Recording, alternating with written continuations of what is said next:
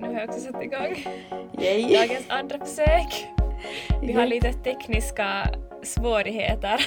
Vissa, vissa små tekniska utmaningar kan, vi, kan man kalla det. Det är vissa, det är vissa hörlurar som inte funkar för att en viss person har glömt sina hörlurar i Åbo. Undrar vem det är? Men hej på er, podden! Woo, hallå! Yay. Hur är det med Annie idag? Alltså, det är ganska bra. Jag, jag är excited över massa av mina handarbetsprojekt. Åh, Och sen så insåg jag idag att jag redan har tittat på alla föreläsningar i en kurs och jag trodde det var mycket kvar men tydligen är det typ ingen kvar så nu ska jag som bara läsa och skriva en tent och sen är jag typ klar med en kurs och, och sen läser jag helt, jag har helt, det är faktiskt helt bra. Ja. skönt. Hur är det med Det låter Carro då? jättebra. Det är bra. Jag är i Vasa och hälsar på, så det är skönt. Det känns inte alls som att jag har något skolarbete under kontroll, men jag mår i alla fall ganska bra. Det är nice. det är desto lättare att hantera känslan av att inte ha skolarbete under kontroll om man mår sådär ganska bra. Men jag tror att det är det som är problemet också, att det är därför jag inte har skolarbete under kontroll. För att orsaken att jag brukar ha det under kontroll är för att jag är så stressad. Eh, Eller har så mycket ångest om inte jag har det. Och nu när jag inte har ångest så har jag ingen annan motivationsfaktor. Ja, alltså. Perfekt. Just anxiety things. Ja. Men ja, det... Jag, jag mår bra. Yeah. Alltså, gud vad... Vi plötsligt, vi har bara börjat så här nu efter paus och nu är vi back och bara hej, vi mår actually typ bra, vad händer? Annie, vet du vad det är? Det är New year, new me! Aj, jo, såklart, jag glömde. I år så ska jag välja lycka och jag ska välja att må bra. Ja, absolut. Välj glädje. Det är, det, det är därför. Det är därför jag har valt glädje nu, Annie. Jag förstår, jag förstår. Ah. Jag Ja, hoppas att människor förstår att vi är inte seriösa. jag hoppas också det. Det är ett stort privilegium att kunna påstå att man kan välja glädje. Exakt. Tro inte något annat. Meh. Är det något speciellt i världen som har hänt som vi vill prata om? Jag har läst intressanta nyhetsartiklar men jag kommer inte ihåg vad de handlar om. Eh, Gud, det är ju han någon sån här man i Tammerfors som har typ gjort massa krigsbrott Va? i, Jävlar. någonstans i Afrika och sen har han typ, jag vet inte, bytt identitet och nu bor han i Tammerfors och nu ska han, är han typ, nu är det typ rättegång mot honom för krigsbrott han har gjort tidigare. Oj. Det var helt spännande, Okej. men jag tror inte att jag läser klart. Alltså jo, gissa vad jag läst? Jag läste om Maria Nordin. Vet du henne? Nej. Okej, bra. Hon är... hon... Jag vet inte, hennes världsbild är så långt ifrån min och hon typ säljer så här Åh, bli av med symptomen. Den heter typ Irti Oireista, hennes kurs eller något sånt. Eh, och, det, och hon liksom typ påstår att man kan bli av med symptom för allt. Liksom typ liksom fysiska sjukdomar, smärtsjukdomar, psykisk ohälsa, allt genom att bara göra hennes kurs och läsa hennes bok och sen så sprider hon typ massa falsk information om eh, corona och allt möjligt och hon har jättemycket följare. Och jag är bara Är det sådär, sådär välj lycka kind of thing? typ så, ja. Och alltså mycket av det hon, nej hon säger egentligen helt bra saker som grundar sig på typ liksom positiv psykologi, alltså helt liksom legit grejer, så här mindfulness och typ, jag vet inte, tacksamhetsdagbok kanske, som, man, som det finns liksom forskningsstöd för. Men sen, sen bara liksom säger hon så mycket som är helt jättebullshit och jag vet inte.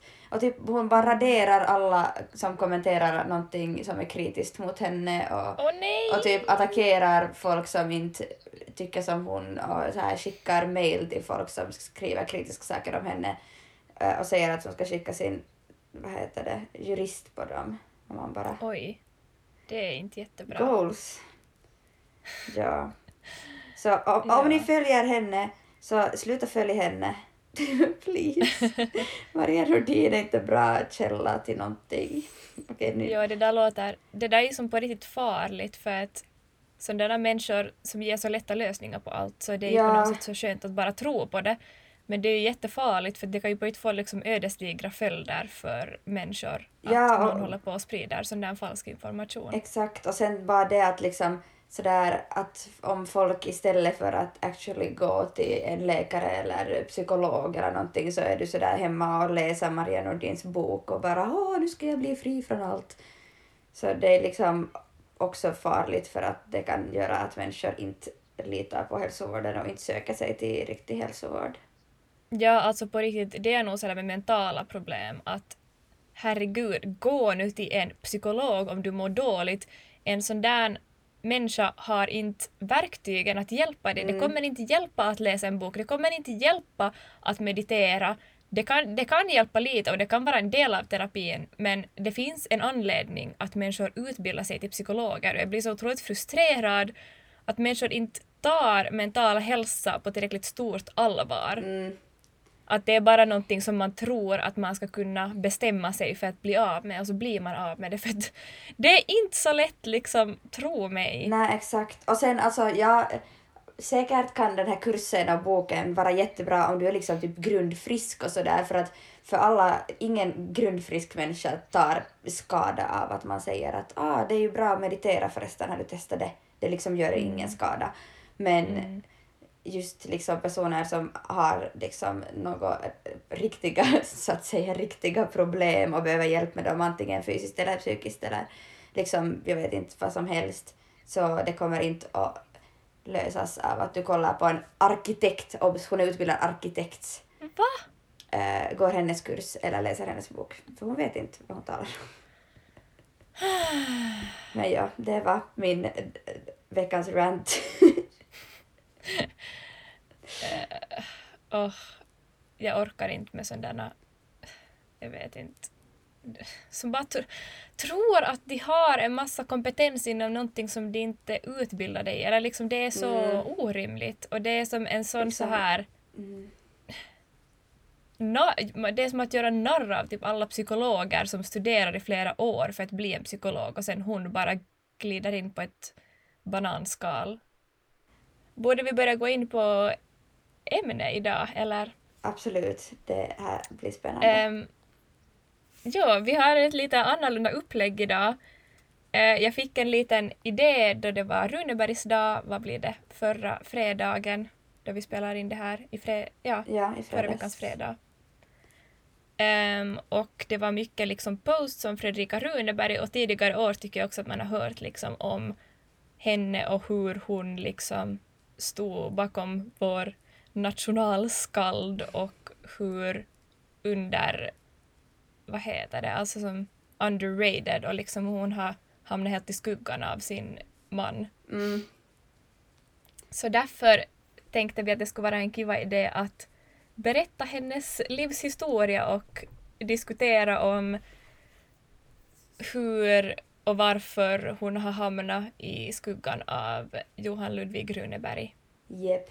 och sånt. Och alltså det här känns så, det känns typ bra att så här lyfta kvinnor vars, som har gjort jättemycket gott men deras män är bara jättekända för att det känns typ som att jag vet inte, du läste ju också filosofi. Jag tänkte typ varannan filosof var som sådär att ah, han hade förresten en fru också, hon var också filosof och sen, sen i, i verkligheten så har säkert liksom de på riktigt gjort jättemycket tillsammans och det finns massa vetenskapskvinnor och män som bara alltså där männen tar, tar sina fruars typ, eller sin frus liksom eh, uppfinningar och tankar och sen bara får alla creds för det för att han är man. Mm. Ja, och det är nog, nåja, du kommer få höra, men det är nog mycket som, man tänker inte på det heller, men många av de här männen i historien har jobbat jättehårt, men någon har ju liksom måste ta hand om deras barn, Mm. deras hem, och med dem, laga mat till dem. De här männen, oberoende om fruarna liksom har kommit med det eller inte, de här männen skulle aldrig någonsin ha kunnat göra vad de gjorde om inte de skulle haft en fru som skulle ha tagit hand om dem som att de var ett barn. Mm. Och det är det man glömmer bort också att hushållsarbete och att ta hand om barn är inte att underskattas. Det är också Och det- arbete. Det är helt otroligt liksom stort och viktigt och svårt arbete. Jep. Gud, jag har haft en hel föreläsning om så här könat arbete. Då pratar vi mycket Mm. om just hemarbete. men ja, Ja. det är inte helt det viktigaste just nu. Men ja, det är helt som Mm. en actual grej som det forskas mycket i.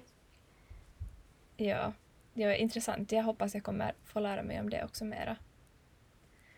Men ja, eh, jag tänkte, alltså jag har skrivit jättemycket och jag tänker att jag börjar liksom helt från början för att det kan kanske vara roligt att ha hela bilden av hennes liv. Ehm, och ja, eh, som början så är hon ju i princip känd som Johan Ludvig Runebergs fru, men det är inte det jag vill lyfta fram. Eller vi vill lyfta fram. eh, För att hon är ju så mycket mera än det. Ehm, och hon är född i Jakobstad 1807 eh, den 2 september som Fredrika Tengström och hon var yngsta barnet av nio syskon. Och 1809 så flyttade familjen till Åbo på grund av att hennes pappa Karl Fredrik Tengström, Tengström fick jobb som finanskamrer i regeringskonseljen. Jag har inte orkat kolla vad det är för någonting, så jag har ingen aning om vad det är. Någonting med någonting regeringssak och pengar. Ja, och det kom fram när jag läste att liksom hon växte upp i en borgerlig familj och i ett lite finare område av Åbo, av vad jag förstår. Så någonting där man får mycket pengar måste det ha varit. Ehm, och hennes mamma, Anna Margareta Tengström, var eh, e-, enligt citat en för sin tid bildad kvinna. Nej, dam, förlåt. Um, och Fredrika var också från tidigt ålder liksom smart och lärde sig läsa när hon var fem. Um, och hon växte upp i akademiska borgerliga kretsar och lärde sig som många andra liksom borgerliga flickor på den tiden just mera så här praktiska saker som att teckna och handarbeta. Ehm, men hon fick också under en kort tid gå i någonting som heter fru Salmbergs sko- flickpension. Okej. Eh, och där lärde hon sig engelska. Eh, och det var liksom därifrån, vad jag förstod, som hon började läsa också skönlitteratur. Ah. Gud, vad hette det? Vad hette den där skolan? Fru Salmbergs flickpension. Flickpension, gud vad konstigt. Okej. Eh, men man hör ju redan nu att det är väldigt... Det är ju liksom 18, början av 1800-talet så Mm, jag tror att redan det här var ganska ovanligt för hennes tid. mm, det är sant, det kan nog hända. Eh, men ändå coolt att hon lärde sig engelska tycker jag. Mm, det är häftigt. Ehm, men sen 1827 så dog hennes pappa och då flyttade hon med sin mamma till Pargas. Eh, och då blev det svårare förhållanden, jag antar då mest på grund av att pappans lön inte liksom fanns mera. Mm, Eh, och då var det också någonting om att liksom hon var tvungen att jobba eh, lite och just sälja något hantverk och det var under den tiden jätte sådär hysch-hysch och det var pinsamt ah. att hon som kvinna måste jobba. Det fanns en teori på 1800-talet om att vad heter det, kulturen är bättre och så här finare om kvinnor inte måste göra hårt arbete. Va? Ja, så det är också därför så anstås, just alltså, speciellt under 1800-talet så var det liksom ett, en väldigt dålig sak att kvinnor behövde göra grovt arbete och man såg jättemycket ner på kulturer där kvinnor och män gjorde liksom lika hårt kroppsligt fysiskt arbete. Så det var som helt, och det var liksom helt att det gjordes offentliga uttalanden som, tala, som liksom jämförde finsk kultur med andra kulturer och med tanke på hur arbetet var fördelat mellan kvinnor och män. Jävlar. Jep. 1800-talet var wack. Sammanfattningsvis. Absolut. Eh, Men ja. Ehm, sen i Pargas, då de bodde här, så träffade hon Johan Ludvig Runeberg och de blev kära. Åh. Och 1828, eh, det här måste ha gått ganska snabbt märker jag nu, för att redan 1828 så flyttade Fredrika med sin mamma och eh, jag vet inte vad jag ska kalla honom för, för att jag har skrivit liksom Runeberg, men jag kan inte kalla både Fredrika och Johan Ludvig Runeberg för Runeberg. Sant. Eh, så jag tänker att jag kallar honom för Runeberg. Eller blir det sexistiskt? Eller jag... Jag funderar just samma, att är det, är det sen sådär att det här är Runeberg och sen är det ah, hon den där Fredrika, Fredrika. Runeberg. Nej, vet du vad? Nu är han Johan. Han, har aldrig, han är aldrig Johan, så nu får han vara Johan.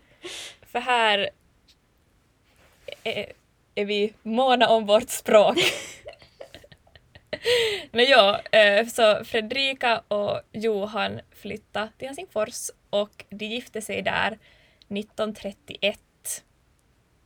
Och när de flyttade in tillsammans så hade de ganska ont om pengar och Johan tog just lite så här ströjobb och det var kanske inte på den tiden så där jätte, vad heter det, lukrativt att vara en eh, författare och liksom journalist som han var. Em, men ja, och då var det faktiskt Fredrika som skötte om ekonomin också och tog hand om hushållet. Men Och det har liksom, det har läst kommit fram att hon i princip under hela deras gemensamma liv tog hand om ekonomin. Exakt, så det är inte alls sådär att männen alltid har koll på pengarna. Nej. Ehm, och förutom det så hjälpte hon också Johan med redaktionsarbete i den nygrundade tidningen Helsingfors Morgonblad som han jobbar på. Och hon var jättebra på språk och kunde liksom, jag tror att både franska och tyska också flytande förutom engelska. Mm. Ehm, så hon översatte mycket artiklar men gjorde såklart mycket annat jobb också. Eh, så hon eh, var en av de första eh, liksom kvinnliga journalisterna i Finland. Eh, och redan det här var nog ganska ovanligt på hennes tid. Men mycket var just att hon hjälpte honom Mm. för att hon var mycket bättre på språk än honom till exempel. Så hon var ju smartare så är det bara.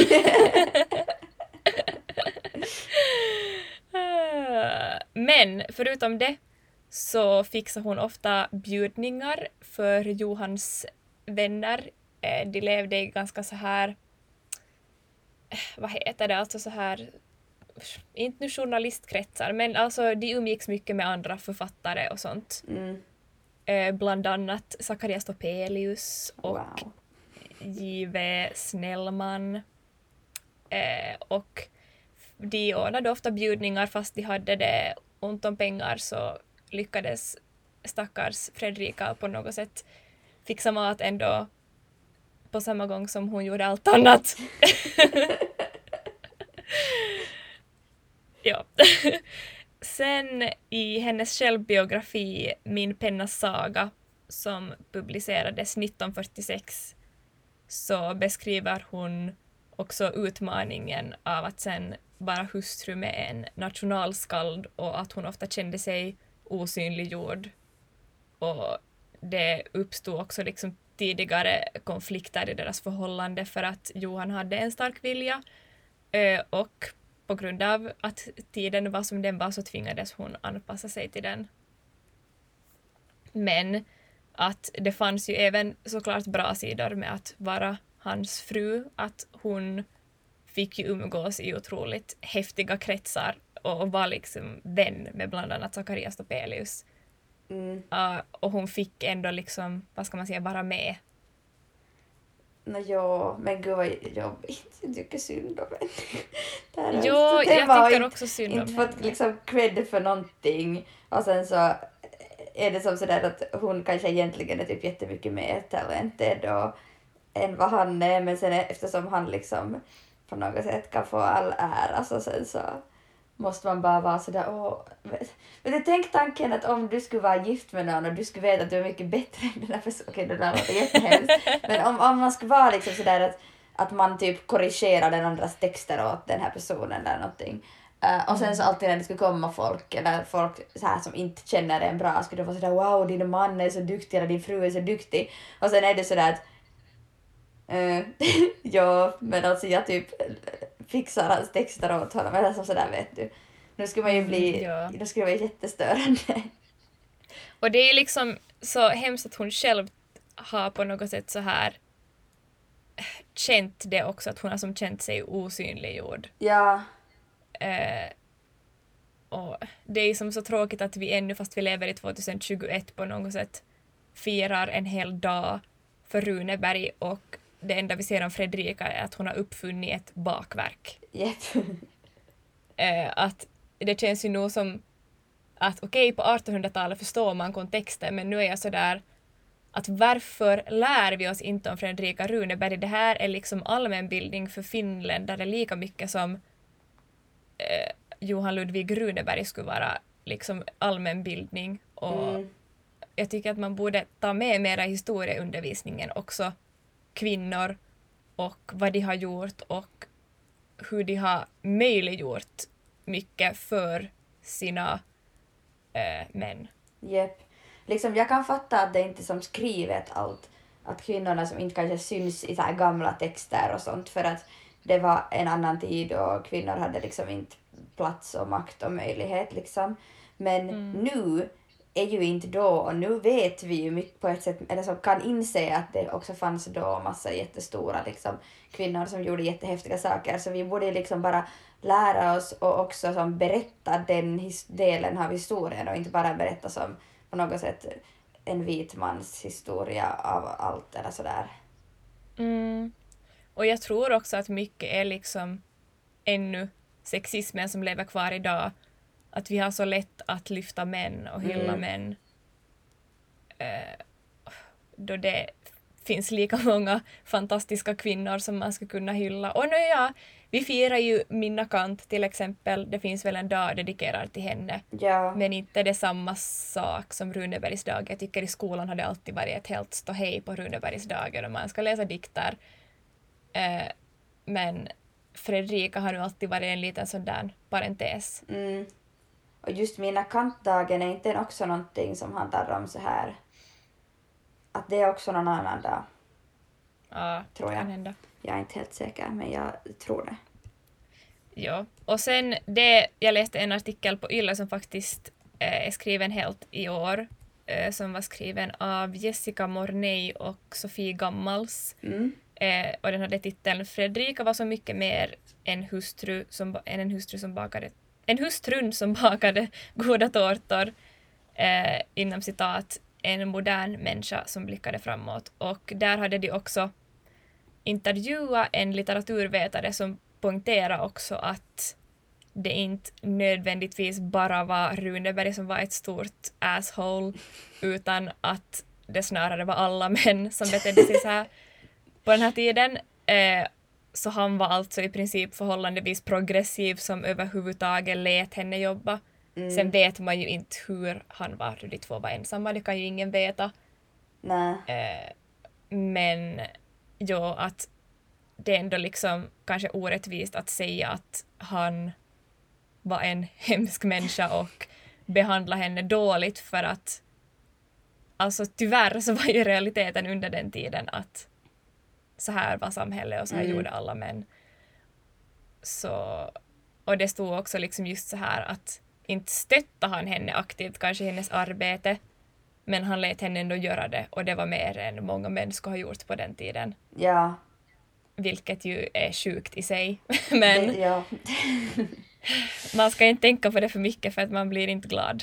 Nej, alltså det känns som att jag typ läser så mycket genusvetenskap och ser så mycket som saker, eller man kopplar det som så tydligt till så här verkligheten och sen typ psykologi är ju så jätte ändå människoinriktat och sen så på något sätt ser man bara hela tiden massa ojämställdhet och sexism och liksom så här könsroller och hur det formar en och man bara nej! ja, alltså man blir lite galen. Lite. Men, nåja. Och jag vet inte, det står nu jättemycket om liksom hur duktig hon var i hemmet och hon var tydligen jätte liksom, duktig på trädgårdsarbete också. Mm. Eh, och som jag redan har poängterat också, att jag tycker inte att det ska vara något dåligt i sig att vara duktig på hushållsarbete för det är precis lika mycket att värdera som att vara bra på någonting annat. Mm. Men det ska ju kunna vara kvinnans eget val, vilket det ju absolut inte var under den här tiden. Ja. Och inte Men- kanske det fortfarande heller helt eller som, Nej. ja. Men ja, ehm, vidare i historien så flyttar familjen 1837 till Borgo och där hade Fredrika mer svårigheter att anpassa sig och hitta nya vänner då det var ett mindre ställe. Mm. Ehm, men det verkar nog sen ha gått bra i alla fall. bra. Men det var också, de flyttade dit för att Johan hade fått ett jobb där på en skola, om inte jag har helt fel. Ehm, men ja, nu till det viktiga, hennes författarskap, för hon var en skicklig författare och först och främst var hon journalist, som jag tidigare också har nämnt. Mm. Ehm, men jag vet inte om det här är rätt term att använda, men jag skulle vilja säga att hon var någon slags feministisk pionjär, fast man kanske inte ens riktigt visste vad feminism var på den tiden. Men hon var den första författaren i Finland som kritiskt diskuterar kvinnans roll i samhället och hon skildrar svårigheter för kvinnan att hitta en roll utanför hemmet och den konventionella kvinnorollen eh, och liksom hur hur man påverkades av den och hon kunde ändå liksom se att det fanns en roll som hon måste passa in i. Eh, och mest känd är ju då kanske den här boken Fru Katarina Boye och hennes döttrar, en berättelse från Stora ofredens tid. Och lite intressant om den här boken är att den publicerades 1858 men boken blev klar redan 1843 Mm. men det skulle ha ansetts ofint att vara den första kvinnan som publicerar en historisk roman. Okej. Eh, så hon måste vänta tills Topelius hade publicerat bland annat Hertiginnan av Finland Okej. innan hon vågade publicera den. Så i princip var hon den första i Finland att skriva en historisk roman, Wow. men hon publicerade den inte direkt. Vilket också är så sjukt och det finns säkert människor som säger att Topelius var den första som skrev historiska romaner i Finland, men... App, app, app, app, app, app, app. Eh, sick. Sick. Ehm, hon var den första kvinnliga författaren i Finland som skrev etnografiska texter. Bland annat om, jag tror att hon skrev om typ Ryssland någonting. Jag vet inte, jag har inte skrivit upp det. Ja. Eh, eh, och hon publicerar alltid under pseudonymet A-G. Eh, och det verkar nog som att hon själv också har tvivlat på sin rätt som kvinna att skriva. Eh, men framförallt kanske publicera sig. Mm. Eh, och hon var känslig för kritik. Eh, men sen så stod det ändå liksom att de kvinnor som publicerade under den här tiden skrev alla under pseudonym. Och Finlands liksom litteraturkretsar var så små att man visste nog att det var hon. Ja. Men hon publicerade ändå under AG. A-G. Ehm, men efter hård kritik på boken Sigrid Liljeholm som hon hade publicerat eh, främst på grund av att den var för frispråkig och ansågs liksom vara för radikal Mm. ehm, av bland annat J.V. Snellman så slutade hon helt publicera sina verk. Men nej. Så att där har vi en kvinna som, blir, som lyfter kvinnofrågor och blir tystad av en man. Och det som jag tycker är konstigt är att det stod tidigare att de var kompisar, vilket betyder att, att han har... Det var ingen bra kompis. Nej, det var inte Ja. en snäll kompis. Inte en snäll man! Sant. Oh my god. Det där pannen var jag lite stolt över. det var ganska bra, actually. Ehm, men ja, men hon hann liksom ändå publicera ett antal böcker men det är ju helt förfärligt att, att hon slutar publicera sina verk. Men jag kan tänka mig i en värld på 1800-talet att det måste vara liksom mentalt otroligt ansträngande att ha så mycket pondus och självförtroende att man vågar publicera fast Mm. hela samhället säger att du inte borde. Mm. Eh, och om man dessutom då får hård kritik så... Alltså jag förstår henne. Inte skulle jag heller på den tiden ha klarat av det. Mm. Vem skulle ja, liksom? absolut. Och hon är ju otroligt stark som har klarat av liksom ändå så mycket. Mm. Och som vid sidan av allt annat. Mm. Det är så synd liksom. Varför har... Varför, Okej, Runeberg, han Johan Ludvig Runeberg är liksom nationalskald, är det så han är? Jag vet Mm. inte, pinsamt. Nåja, men liksom, så jag fattar på det sättet att vi läser mycket av det i sån skolan och sådär, men nog känns det jätte så här dumt att man liksom bara på något sätt helt och hållet liksom åsidosätter alla liksom kvinnliga författare som har funnits just antagligen till stor del för att de inte är kvinnor eller för att man inte liksom ha, ha, orkar söka fram och sätta sig in för, i det. För det, är som, det skulle vara viktigt tycker jag. Ja, och det är väl lite därför vi vill göra det här avsnittet också för att jag tycker att det är jätteviktigt att lyfta fram hennes historia. Mm. Eh, för att hon är ju en... Alltså jag, jag tycker hon är... Eller hon förtjänar ju en del av äran som hennes man har fått för att han är nationalskald. För att han skulle aldrig ha klarat det utan henne. Ja, Och jag tycker det är bara så imponerande att hon har liksom tagit hand om allt hemma plus ekonomin och ändå hunnit skriva. Vad har Runeberg gjort? Vad har han gjort? Är, han har haft en uppgift i hela sitt liv och då är det ganska mycket lättare också att liksom bli jättekänd Mm, om man ägnar absolut. all sin tid åt sitt arbete och inte har, vad var det, åtta barn att ta hand om plus ett helt hushåll plus att försöka liksom passa upp sin man och hans kompisar på samma gång som man inte har tillräckligt med pengar. Alltså, ja. bara att ta hand om hushållet måste ju ha varit liksom ett över heltidsjobb liksom. Ja, det är helt imponerande. Jag blir bara, jag blir typ helt så här, så här, jag vet inte, det känns som att, att det finns så mycket sådana liksom liknande situationer och liksom par och sådär och sen tänk- känner jag typ själv sådär att, att oj nej, hur är det liksom med de här, så här modernare författarna?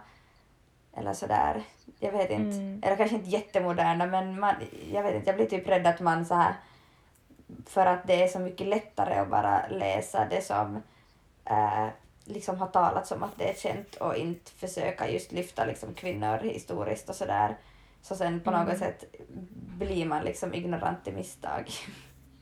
Ja, och det är också sådär som man brukar prata om med så här historiska filmer som vi kanske tänkt prata om i något senaste avsnitt och så Mm. här att, att det fanns ju kvinnor under den tiden och det är som på många sätt helt borttagna ur historien. Mm. Att liksom hallå, kvinnor existerar också så varför pratar vi bara om vad alla män har gjort? Ja, exakt. Det är orimligt. Så jag hade en, var så på en superspännande föreläsning om så här eh, genusvetenskap, alltså etnologi ur en genusvetenskapssynvinkel. Typ. Wow! Och då handlade det just om så här finsk folkkultur, typ. Kansankultur. Mm. Jag vet inte helt vad det är på svenska. Men det som skulle höra till typ så här etnologi och folkloristik, eh, Mm. tror jag. Om man som skulle studera det rakt. Eh, och det var, alltså, det var just så spännande på något sätt hur tydligt det är att det är liksom männen som har också forskat i kulturen och männen som har berättat om hur vad den Mm. finska kulturen är och liksom på något sätt vad kvinnans roll i berättelserna är som också så himla tydligt så mycket mindre och så liksom ja, inte alls lika som så här uppskattad som mannens roll på något sätt. Och så just allt så här som kvinnor har gjort som folk bara är sådär att ah, men det, det räknas liksom inte som någonting typ att tvätta och sånt liksom. Mm. Och man bara det där också att tvätta är liksom en actual uppgift så- som tog Mm. tid och kunde vara krävande. Och liksom, jag vet inte, man bara, jag vet inte. Ja, alltså det blir ibland så tydligt att historien är skriven av män och om man tänker sådär ett jättekonkret exempel, alltså Bibeln som Mm. ändå på något plan är liksom historiskt. Mm. Det är nog väldigt, det märks Ja. att det är liksom skrivet av män och jag tror också att det har varit lite taktiskt liksom att de har lyft upp sig själva Mm, det är möjligt. Eh, och om man tänker liksom ur ett annat perspektiv, liksom om vithet och så här att eh, historien är skriven av eh, vita människor Mm. med europeiskt ursprung. Och då har man ju till exempel liksom målat alltid Jesus som en vit man Mm. och det är helt omöjligt om inte han är något slags underbarn för att han skulle inte ha varit vit för att han Mm. är inte född i ett område där det under hans tid fanns vita människor. Japp. Ja. Det är, it's a big thing. Och så mycket sånt där liksom i allt och sen hur liksom också alla vi me- mer medvetna kvinnor, så om man inte som på riktigt jättemedveten och kritisk liksom när man läser forskning eller när man gör forskning eller läser vad som helst, så är man ju som hela tiden med och som återuppbygger de här liksom så här, gud jag hittar inte ord alls på svenska just nu, men som olika så strukturer. Så vi Mm. upprätthåller de här strukturerna eller liksom på något sätt allt man gör som inte är att bryta ner, det blir ju ändå på något sätt att upprätthålla strukturerna. Ja. Jo, det är helt sant och jag tror vi upprätthåller nog i misstag på många sätt strukturer fast vi inte vill. Mm. Men just som du sa att det är därför också som det är så viktigt att vara medveten för att Japp. ja. Men sen det, är det också svårt för att alla, vad ska man säga, orkar ju inte och har inte intresse att sätta sig in i det. Och det går inte Nä. att tvinga någon om inte vill. Så jag vet liksom, jag har inte någon lösning på det men det är ju ett problem liksom. Ja, alltså inte skulle jag heller säga att jag vet någon lösning men alltså jag tycker verkligen det är som någonting man borde typ prata mer om. Och som just det här som du sa om just vithet, liksom att det är som att män och har aldrig varit räknas som ett kön utan män har som bara varit en norm och det har liksom varit det man har berättat om. Sen har kvinnan varit något Mm. speciellt kön och som samma med så här vithet att den vita har som alltid bara varit normen Eh, och sen har man varit sådär, åh det finns olika så här, sen har det funnits liksom rasifierade personer, typ svarta, så är man sådär, wow en annan ras, och sen har de liksom blivit rasifierade medan vita aldrig är det för att vithet är som bara på något sätt en norm som man inte ens ifrågasätter. Och sen är det Ja. liksom lite samma med som män i Vita könsfrågor. män har liksom varit normen. Ja.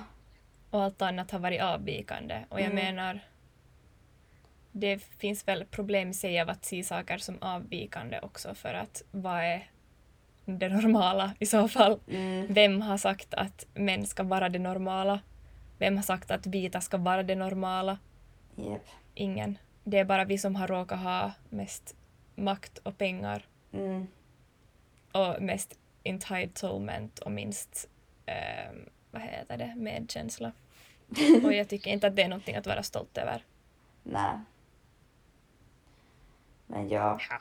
Män är också ett kön.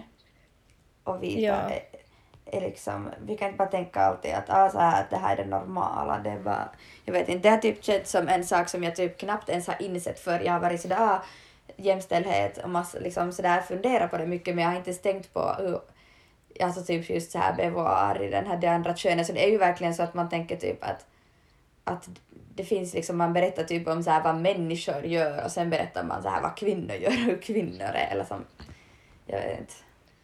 Ja, och just i många historieböcker så är det så här, det står jättemycket om vad som hände i kriget och sen så står det något litet stycke någonstans om typ hemma vid fronten. Så Exakt. står det typ så här tre meningar och det är Ja. liksom det. Och man är sådär, ah okej. Man bara, Ja, hallå, du- de du kunde upprätthöll ha- ett helt land samtidigt. Ah. Jep. Nåja, men jag har ännu lite kvar om Fredrika. Fredrika, yes. Ehm, för att det räckte ju inte med att hon var en skicklig författare. Nej, nej, nej. Hon hade också ett samhällsengagemang. Mm. Ehm, och som sagt så slutade hon ju publicera sina verk men hon skrev ändå. Och man har väl hittat det antar jag. inte vet jag hur man annars skulle veta det liksom. Ehm, och hon skrev främst om kvinnor och deras rätt till utbildning eh, som under hennes livstid var dålig. Och enligt henne var det här nyckeln till att kvinnor skulle få en bättre ställning i samhället. Mm. Och sen förespråkar hon också kvinnors rätt till egendom. Go Fredrika. Go Fredrika! Ehm, och 1845 så grundade hon en finsk läseförening i Borgo för att kvinnorna där skulle lära sig bättre finska. Wow. Och 1846 så grundade hon tillsammans med några andra kvinnor ehm, en fruntimmersförening också i Borgo där de lärde fattiga kvinnor att handarbeta för att bättre kunna försörja sig. wow. Ehm, jag vet inte kontexten eh, och jag har inte läst fördjupad historia i eh, gymnasiet. Men var det så att det var liksom någon typ av kris eh, under den tiden? För att det stod liksom att det var nå jag vet inte. Vilka år? Eh, nå 1846 grundades den Var för inte att lära nödåren? Ah, ja, för jag tänkte att det måste vara något sånt. För att, Jag är inte helt säker men det skulle kunna vara typ, eller att det var just som så här svälttider, alltså gud vad Mm. jag inte kan prata men ja, sånt. för att vad jag uppfattade som så var det liksom svåra tider och därför grundade de den här föreningen för Mm. att kunna liksom lära fattiga kvinnor att kunna försörja sig på något sätt och då var handarbete ett sätt. Eh, Jag tror att de främst vävde, lärde sig att väva. Okej. Um, och 1847, alltså ett år senare, efter, senare, uh, så grundade Fruntimmersföreningen också en skola för fattiga flickor i Borgo som gick runt på bidrag från stadsborna och det var liksom ja, olika bidrag och donerade pengar. Uh, och den ledde Fredrika i 15 år och hon var också ordförande för Fruntimmersföreningen. Ehm, och sen när Johan blev sjuk så tog Fredrika hand om honom tills han dog 1877. Och efter hans död så redigerade hon många av hans efterlämnade skrifter. Jag, tror, jag vet inte om det finns liksom publicerat, för jag uppfattar det som att det heter efterlämnade skrifter, hans liksom sista verk, att hon Okej. redigera dem ehm, i sina sista år och hon flyttade också eh, sina sista år till Helsingfors där hon sen dog den 26 maj 1879. Och det stod att hon ännu samma dag som hon dog redigerade sista på Johans texter. Vilket Gud. på något sätt, jag vet inte, ännu säger hur dedikerad hon var. Mm. Wow. Alltså, hon var minsann en badass woman. Ja, alltså hon har ändå gjort så jäkla mycket. Mm, jag fattar inte hur hon har hunnit. Nej, Jag känner mig lat. Exakt, man bara här sitter jag och pluggar lite och sen så hon har bara som, jag vet inte, gjort en massa. ja, men det här var ju då i alla fall historien om hennes liv. Och jag hoppas att människor också kanske ha, läser mer om henne på egen hand för att, ja, Mm. varför inte? Varför inte? Jag tror att jag kanske kan publicera på vår story liksom. Det är främst tre källor jag har använt. Jag nämnde Mm. redan den här YLE-artikeln. Eh, men det blir så råddigt om jag ska börja läsa upp dem så jag kanske kan Ja. publicera liksom på vår story bara text eller liksom Och sen kan vi källor. kanske sätta i äh, den här poddens så här beskrivningsgrej, Sant. länk eller källor också. Så finns det på flera ställen. Smart. Jas. Man är väl inte universitetsstuderande i onödan. Men jag tänker också liksom med Fredrika, om hon ska ha fått liksom studera på universitet, alltså vad mäktig hon ska kunna bli Mm, om hon ska ha levt idag. jep. att hon, som den här artikeln på Yle också sa, att hon var ju så otroligt modern för sin tid. Mm, Det är helt sjukt att det liksom i ett sådant kontext att man ändå kan inse så mycket. mm, Jag menar, jag, mycket som jag har lärt mig om jämställdhet är ju för att jag har lärt mig det på genusvetenskap eller genom att läsa. Att Mm. inte det är någonting jag själv har kunnat se i samhället. Mm. Förstår du vad jag menar? Ja, absolut. Att det är ju jättehäftigt. Att det är som svårt att greppa hur klok hon var. Mm. Ja. ja jag vet inte, jag är bara sådär wow, historiska kvinnor har gjort häftiga saker. Mm. Och jag vill uppmana alla också att läsa om andra historiska kvinnor för att jag tycker att det hör till allmänbildningen och det är väl någonting som eh, vår läroplan för tillfället inte eh, är så bra på. Eller jag tycker Mm. att det liksom fattas ur historieundervisningen och säkert många andra ämnen också där man pratar om historia. Japp. Och bara att liksom inse att så här kanske kritiskt fundera kring liksom kön och könsroller när man läser helt liksom vad som helst för att just att vi läser mycket Topelius och då kanske det och Runeberg, då kanske det är viktigt att fundera att ah, det är liksom så här undra varför vi läser de här två, om de här två männen och kanske det finns andra också liksom motsvarande som bara på grund av liksom, här kulturella orsaker inte har kunnat liksom, få synas och inte få samma synlighet idag också. Och just om man tänker liksom på synen som många har på Topelius Mm. eh, med sig just som sån här att, att Fredrika var snabbare än honom på att skriva en historisk roman eller var före honom Mm. Och på något sätt så här vänta på att han skulle publicera den och liksom let honom få den vinsten av att kunna säga att han var den första som hade publicerat en historisk roman Ja. som en finsk författare. Eh, och jag, jag vet inte, kommer inte ihåg att någon ska ha sagt det i skolan men det kan bra hända att vissa kallar honom för, eller liksom nämner honom som den som har skrivit de första historiska romanerna Mm. i Finland. Och det är ju inte sant! Mm. Ehm, men jag vet inte om man gör det. Jag vet inte Men- heller. Jag är inte så insatt i Topelius, men Nej, jag är faktiskt inte heller jätteinsatt i Topelius. Men alltså sådär, mer insatt i Topelius än i Topelius fru. Jag vet inte ens om han hade en fru.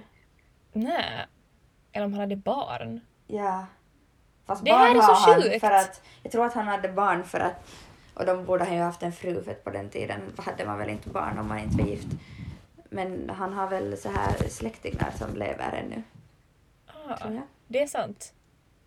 Men det är alltså just sådant på riktigt. Vem fan var Topelius fru? Ingen aning. Japp. Och vi vet ju som Ah. inte vad hon har gjort, vi vet liksom inte vad kvinnor har åstadkommit och sen vad de liksom inte heller har som fått chansen att åstadkomma. Mm. Ja. Och just... Jag vet inte, jag läste någon gång någon så här artikel där det var någon... För att man är ju som så van också att det är så där med typ kända skådespelare. Att det är den här mannen och deras fru. Mm. Men det stod typ... Vad heter George Clooneys fru? Jag har ingen aning. För att det var någon sån där meme att det var liksom this woman, alltså hennes namn då, and Mm. her husband. Ja. De nämnde liksom inte ens honom vid namn och jag var sådär ah. Men det är som så sjukt, eller då märker man också att man på riktigt reagerar på det för att man är inte van att se det. Japp. Och om någon skulle säga typ sådär Fredrika Runeberg och hennes man. Mm. Så skulle alla vara sådär huh? Va? Vad, vad menar du? du menar väl Johan Ludvig Runeberg och hans fru? Exakt. Förresten, jag kollar, mina kantdagen är också jämställdhetsdagen. Eh, men ja, det kan ju ha att göra med att, han, att hon jobbar för jämställdhet. Är du ännu där? Jag tror du försvann. Fan, min telefon dog. Karo är försvunnen. Nej! Har du Nej, nej, varit Karo? Vad ska jag göra nu? Ehm, eh, min telefon dog, jag och Annie pratar för min telefon. Eh, så kanske vi får avsluta podden här för idag. Förlåt för det här jätteoklara slutet. Um, men jag vill bara ännu en gång säga att läs om Fredrika Runeberg och jag hoppas att man kanske blev lite inspirerad till det idag och lärde sig någonting nytt. Men ja, hej då! Okej, vad ska vi säga? Uh, tekniska små utmaningar också här i slutet. Woo!